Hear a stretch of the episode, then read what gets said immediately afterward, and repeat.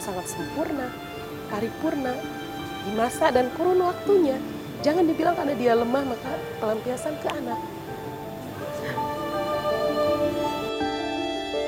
Bapak ngeliat anak-anak ini seperti apa kalau? Anaknya lucu-lucu. Iya. Yang cewek-cewek seperti ibunya, cantik-cantik. Hmm. Yang laki-laki seperti bapaknya ganteng. Itu. Anda merasa menyesal nggak atas perbuatan yang Anda lakukan? Sangat menyesal sebenarnya kenapa saya masih hidup aja sih dan saya juga ikut dengan anak-anak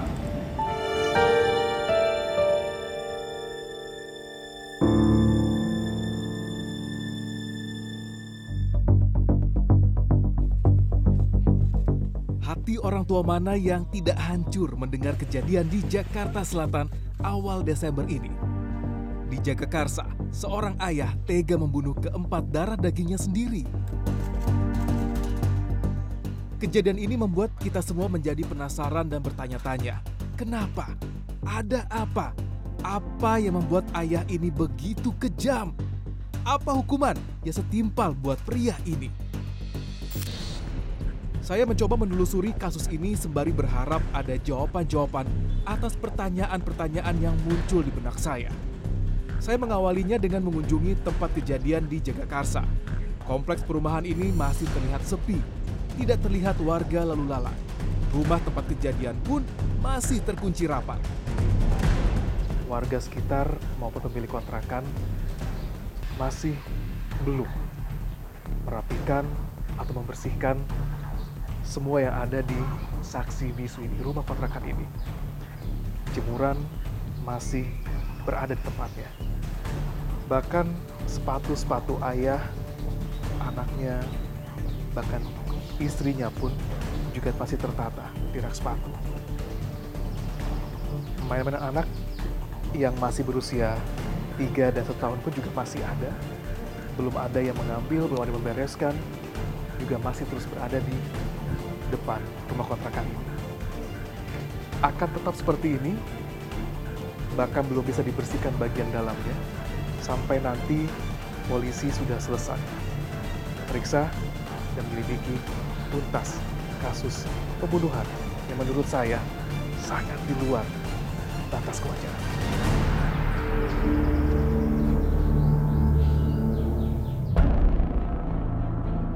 Entah kapan rumah kontrakan ini bisa dibersihkan dan disewakan lagi.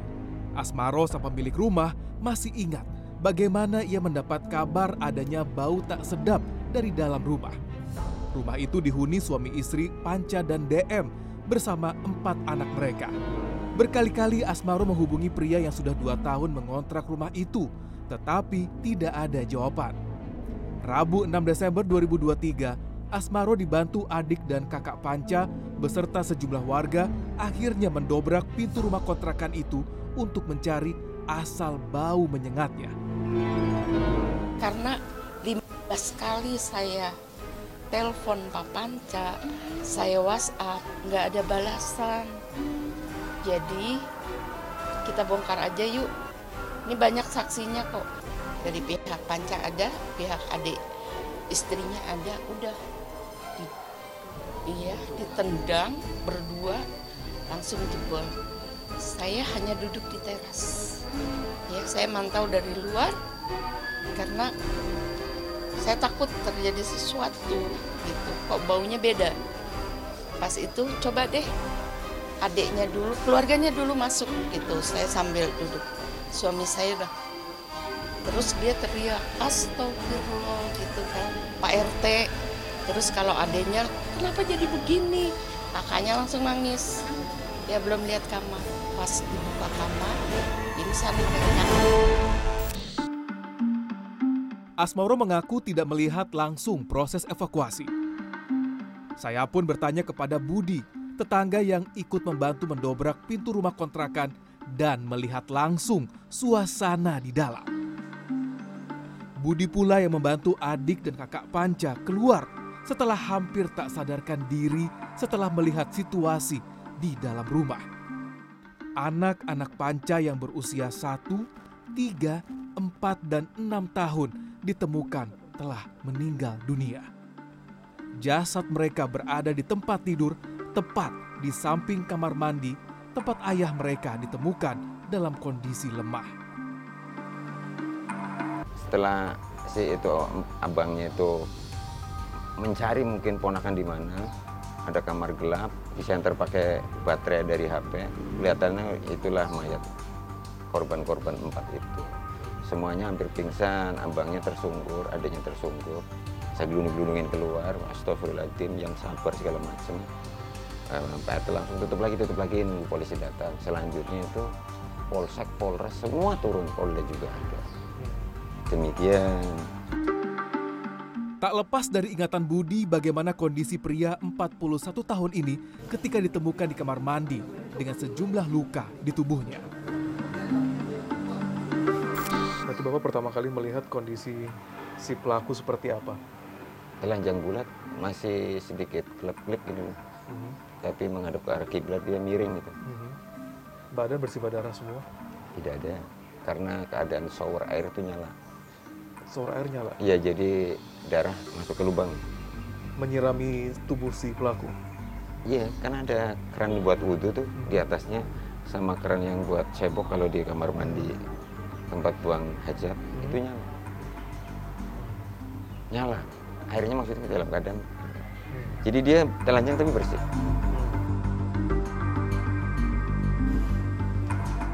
Budi menyebut Panca sebagai pribadi yang tidak neko-neko. Begitu pula dengan DM istrinya. Budi memang pernah mendengar pasangan yang sudah menikah selama enam tahun ini cekcok, tetapi ia tidak ambil pusing. Cucu Budi juga kerap bermain dengan anak-anak Panca di sekitar rumah kontrakan. Pak Budi, Iya. eh, sebagai tetangga, sejauh mana Pak Budi mengenal pelaku dan eh, korban dan juga mungkin anak-anaknya? Pelaku seperti umumnya masyarakat lain. Eh, Keluar beli rokok, beli sayur, jemur baju. Kalau lewat ya, halo bro atau gimana. Tipikal yang suka bergaul dengan bapak-bapak di sini atau Malam. banyak mengikuti kegiatan-kegiatan Malam begadang warga? kadang. Eh, Suka begadang Pak. Begadang. Masih banyak pertanyaan yang belum terjawab. Apa yang menyebabkan terjadinya kekerasan ini? Saya menuju Polres Jakarta Selatan yang menangani kasus ini. Saya bertemu dengan Kompol Henrikus Yosi, Wakasat Reskrim Polres Jaksel. Menurut Kompol Yosi, semua berawal dari adanya KDRT yang dialami istri Panca, Ibu DM. Ibu dari keempat anak yang meninggal tersebut mengaku menjadi korban kekerasan yang dilakukan oleh Panca pada 2 Desember. DM kemudian dibawa ke rumah sakit untuk divisum dan dirawat. Panca pun dilaporkan ke polisi oleh adik DM yang kebetulan datang ke rumah saat itu. Panca sempat menandatangani surat pernyataan tidak akan melakukan kekerasan terhadap istrinya lagi. Ia memohon tidak ditahan karena harus ada yang merawat anak-anak sementara sang istri dirawat di rumah sakit. Berdasarkan pemeriksaan, polisi menduga cekcok suami istri ini disebabkan masalah finansial.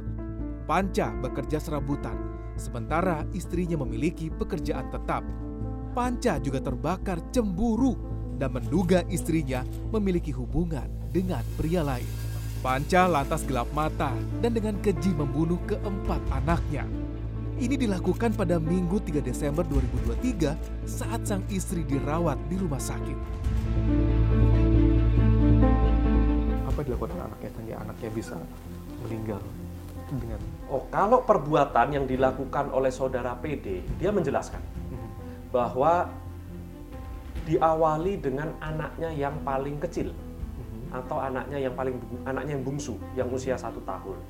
Yang bersangkutan membekap hidung dan mulut dari anaknya tersebut kurang lebih 15 menit. Hal serupa saudara PD lakukan kepada anaknya yang ketiga. Dilakukan seperti itu, kemudian berurutan kepada anaknya yang kedua dan anaknya yang pertama. Ini adalah unsur perencanaan yang kami temukan. Artinya, yang bersangkutan melakukan hal ini dengan sadar, dengan maksud bahwa dari anaknya yang paling kecil. Alasannya adalah kalau dimulai dari anaknya yang pertama, bisa jadi anaknya yang kedua, ketiga akan melihat dan menangis. Sehingga tetangga kanan kiri bisa tahu. Selama dirawat, sang istri sempat menghubungi Panca, menanyakan kondisi putra-putrinya namun Panca menjawab mereka sedang di rumah kerabat. Tidak hanya istri, Babin Kamtipnas juga sempat beberapa kali menghubungi Panca setelah pelaporan KDRT pada 2 Desember. Namun, Panca tidak menjawab. Tim bahkan sempat menyambangi rumah kontrakan, tetapi lagi-lagi tidak ada jawaban dari dalam rumah. Ini dilakukan hingga Selasa 5 Desember. Selanjutnya, tanggal 4 Desember, yakni hari Senin, ya, Babin Kamtipmas yang tadi juga sudah, yang pada hari Sabtu juga eh, mendatangi TKP, kembali mengecek TKP pada hari Senin.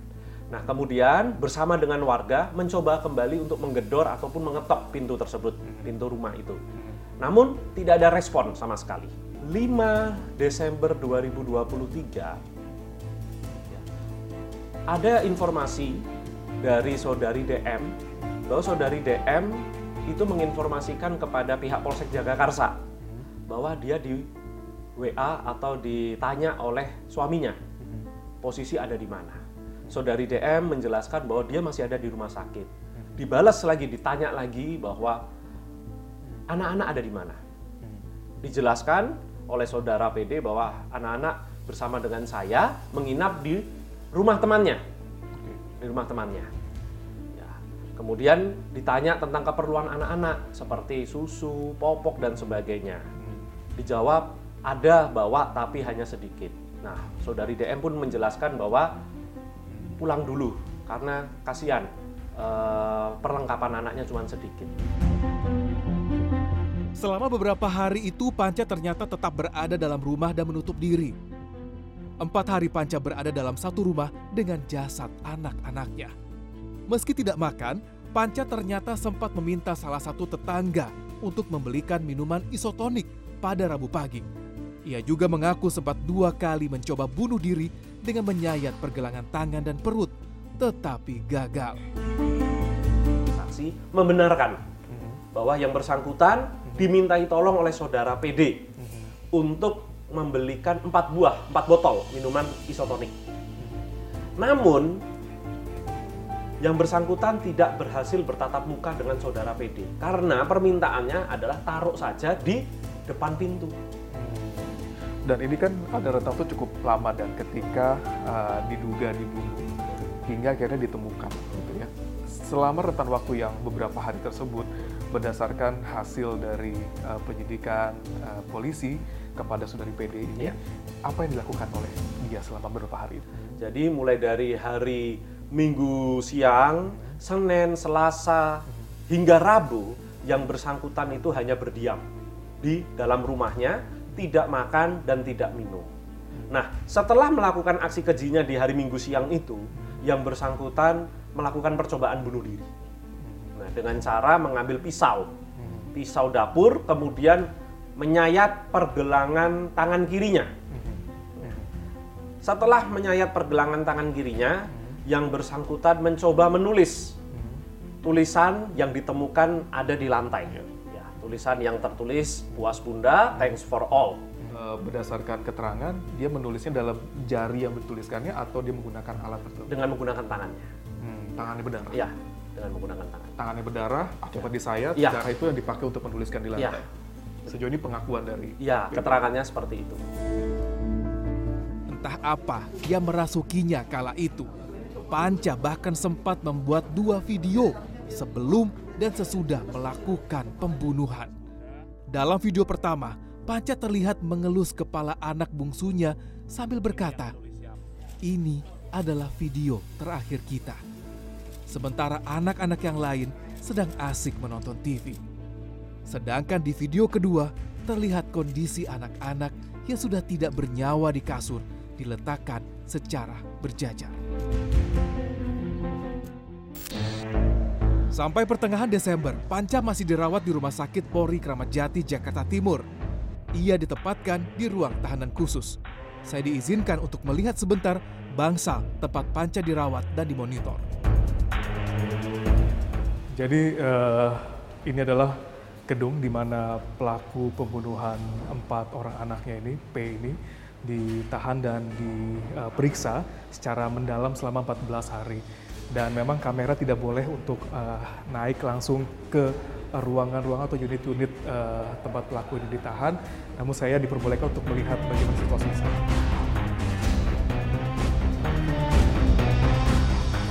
Untuk alasan keamanan, saya hanya diperbolehkan melihat situasi di dalam bangsal khusus ini.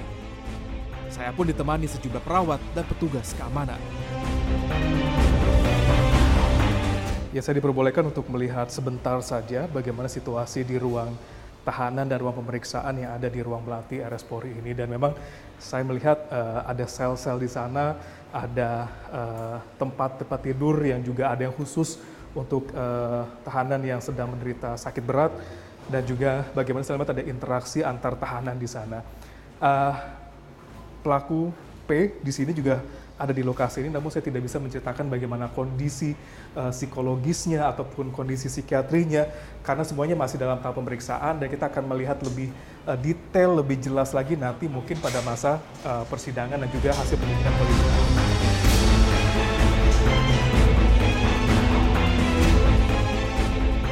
Kepala Kantor Rumah Sakit Polri, Brigjen Haryanto menjelaskan kondisi Panca ketika tiba di sini. Pak Karumkit, mungkin bisa diceritakan dulu di awal ketika tersangka atau pelaku ini datang ke RS Polri, bagaimana kondisi psikologisnya atau kejiwaan pada saat itu? Nah, memang kondisinya sangat lemah karena mungkin beberapa hari tidak makan, kemudian hmm. ada perdarahan. Hmm. Uh, itulah yang kita sembuhkan. Hmm.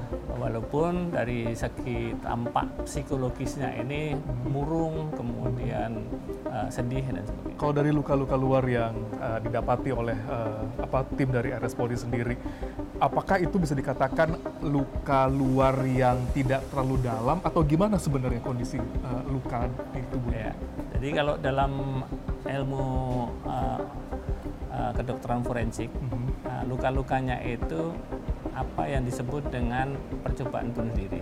Percobaan bunuh diri. Nah, jadi tempatnya di pergelangan tangan, hmm. kemudian di uh, perut, hmm. kemudian di urat pada kakinya. Hmm. Nah itu percobaan untuk bunuh diri. Baik. Tapi untuk mencoba bunuh diri ini kan tidak semua orang itu tega untuk untuk menyakiti diri sendiri. Oke. Okay.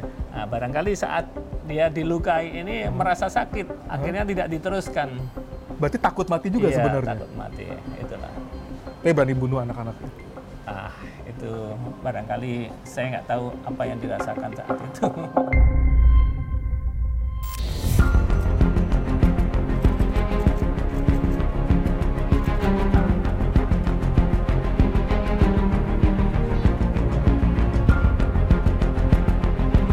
Anda merasa menyesal atas perbuatan yang Anda lakukan?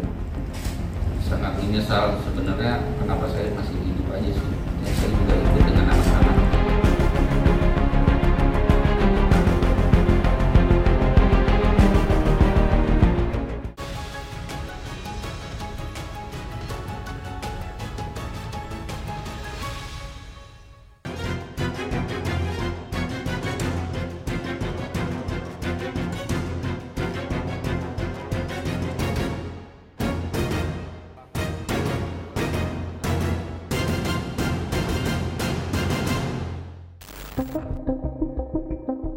Perbuatan Panca menghabisi empat darah dagingnya sendiri membuat banyak orang tak habis pikir.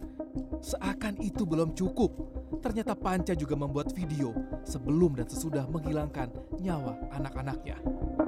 Menurut Kompol Henrikos Yosi, tim penyidik menemukan video ini di ponsel Panca. Video ini tidak boleh disebarkan karena amat memantik emosi orang yang menontonnya. Anda merasa menyesal atas perbuatan yang Anda lakukan? Sangat menyesal sebenarnya kenapa saya masih hidup aja sih. Ya, saya juga ikut dengan anak-anak. Memang anda tahu istri anda selingkuh? Iya karena saya melihat dari uh, pertama bukti tahu dari WA WhatsApp lalu saya sempat telepon itu lakinya tapi nggak lama diblokir. Terus yang di hari Minggu saya hack Instagram istri saya saya baru lihat itu secara detail ternyata bukan satu orang aja ada tiga kisaran tiga orang Menurut Yosi, ibu korban juga mengalami goncangan emosi yang luar biasa akibat kepergian keempat anaknya ini. So dari DM sendiri sudah diperbolehkan pulang dari rumah sakit Pasar Minggu beberapa hari yang lalu.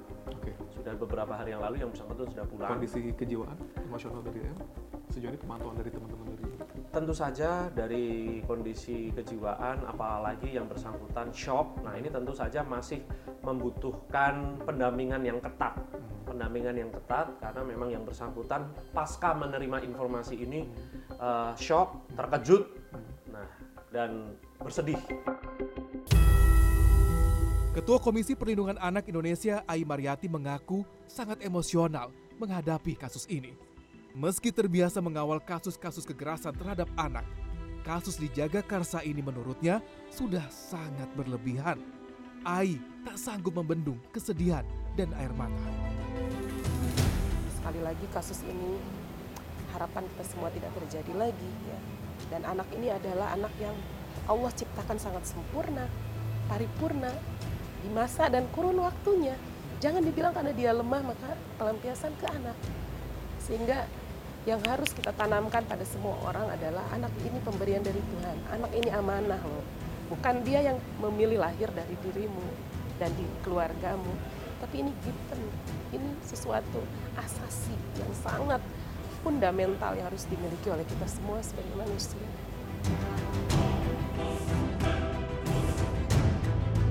Apa yang dirasakan Ai Mariati tentu dirasakan oleh banyak keluarga lain. Dalam beberapa minggu terakhir, kekerasan yang mengakibatkan anak meninggal dunia terus terjadi. Pertengahan Desember, seorang bocah 10 tahun di Koja, Jakarta Utara tewas di tangan ayahnya sendiri. Rekaman CCTV memperlihatkan sang anak dibanting dengan keras oleh ayahnya ke aspal hingga tidak sadarkan diri.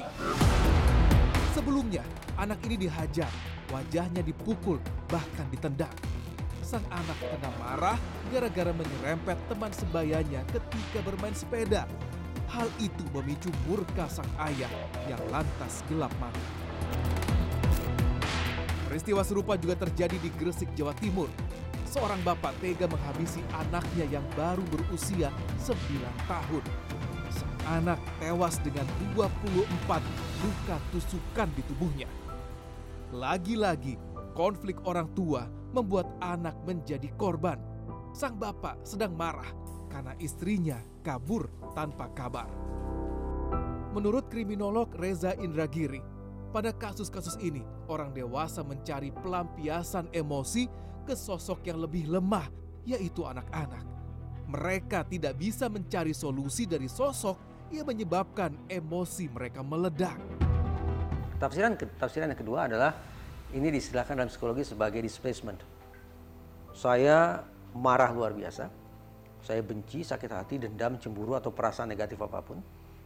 Yang sudah barang tentu semestinya saya arahkan, saya luapkan kepada target yang sesungguhnya. Tetapi ada situasi yang tidak memungkinkan saya melakukan serangan frontal kepada orang yang saya incar. Dalam situasi semacam itu, luapan emosi akhirnya saya belokkan, saya displacekan. Kepada siapa? Kepada pihak yang memang rentan untuk diviktimisasi. Siapa itu pihak yang rentan diviktimisasi? Dari sudut pandang psikologi ada tiga kelompok manusia. Salah satunya adalah anak-anak. Reza Indragiri dan Ketua KPAI Ai Mariati sepakat dibutuhkan penguatan khusus agar kasus kekerasan terhadap anak bisa dihindarkan. Mulai dari perangkat hukum hingga ke keluarga dekat. Pemangkasan birokrasi pelaporan KDRT dan menyelamatkan anak dari lingkaran konflik orang tua juga harus menjadi prioritas. Yang harus menjadi best practice di mana dan seluruh wilayah harus seperti itu sebenarnya. Tapi tidak ada birokrasi, birokrasi panjang, tetek bengek, di mana semuanya bisa terlambat nanti ke depannya. Kan ini sudah langsung kasat mata, bukan kekerasan psikis yang harus membutuhkan asesmen lanjutan misalnya ya, atau eh, apa langkah-langkah yang itu membutuhkan eh, pemeriksaan lanjutan. Korban yang sudah tergeletak parah ya dalam hal ini eh, perempuan ya KDRT. Nah ini yang menurut kami siapa yang harus eh, menjadi tempat berlindung anak yang pertama keluarga karena masih ada tadi kakek nenek paman bibi. Penguatan semacam inilah yang akan terus disempurnakan oleh kepolisian agar tidak ada lagi jeda antara aksi kekerasan di lingkungan rumah dengan penindakan aparat sehingga tidak lagi jatuh korban. Pak Pak Kapolres satu lagi pertanyaan. Apabila nanti ada ke depan ada laporan terkait KDRT, apakah yang dilakukan nanti adalah menyelamatkan uh, korban KDRT? Lalu bagaimana dengan anak-anak yang berada dalam lingkungan uh, keluarga tersebut? Kira-kira apa? Apakah juga akan ada pendampingan untuk dilepas atau dijauhkan dari pelaku KDRT-nya? Atau gimana sebenarnya ke depannya, Pak? Betul, asesmen Uh-huh. itu dilakukan secara bersama-sama. Ya, tidak hanya uh, aparat penegak hukum, stakeholders, uh, aparat pemerintah, tetapi juga keluarga. Keluarga di circle terkecil uh, lingkup rumah tangga ataupun di circle kakek, nenek, paman, bibi itu juga perlu didiskusikan. Nanti Baik. di situlah di- dicapai kesepakatan uh, perlindungan terbaik untuk alasan kemanusiaan terhadap korban KDRT, terhadap anak yang yang perlu diantisipasi dampak dari KDRT itu dan lain sebagainya itu juga perlu di Berarti nanti ke depannya apabila ada pelaku tersangka KDRT akan Sudah. langsung diamankan ya Pak ya gitu. Jadi tidak ada mediasi untuk uh, bisa Eh, dikatakan tetap selama, ada di selama ini di sudah Oke. selama ini sudah diamankan ya dan itu hasil asesmen bersama kayak tadi perlu disepakati kembali dikuatkan lagi kerjasama stakeholder tadi ya ya Baik. Dan juga keluarga juga pasti juga harus punya involvement berat di situ ya tentunya seperti itu ya mas ya. Dan kini tinggal menunggu persidangan Panca, ayah yang membunuh keempat anaknya di Jagakarsa. Polisi terus mengumpulkan bukti dari tersangka yang dikenakan pasal pembunuhan berencana dengan hukuman maksimal. Ancaman hukumannya mulai dari pidana penjara seumur hidup bahkan hingga penjatuhan pidana mati.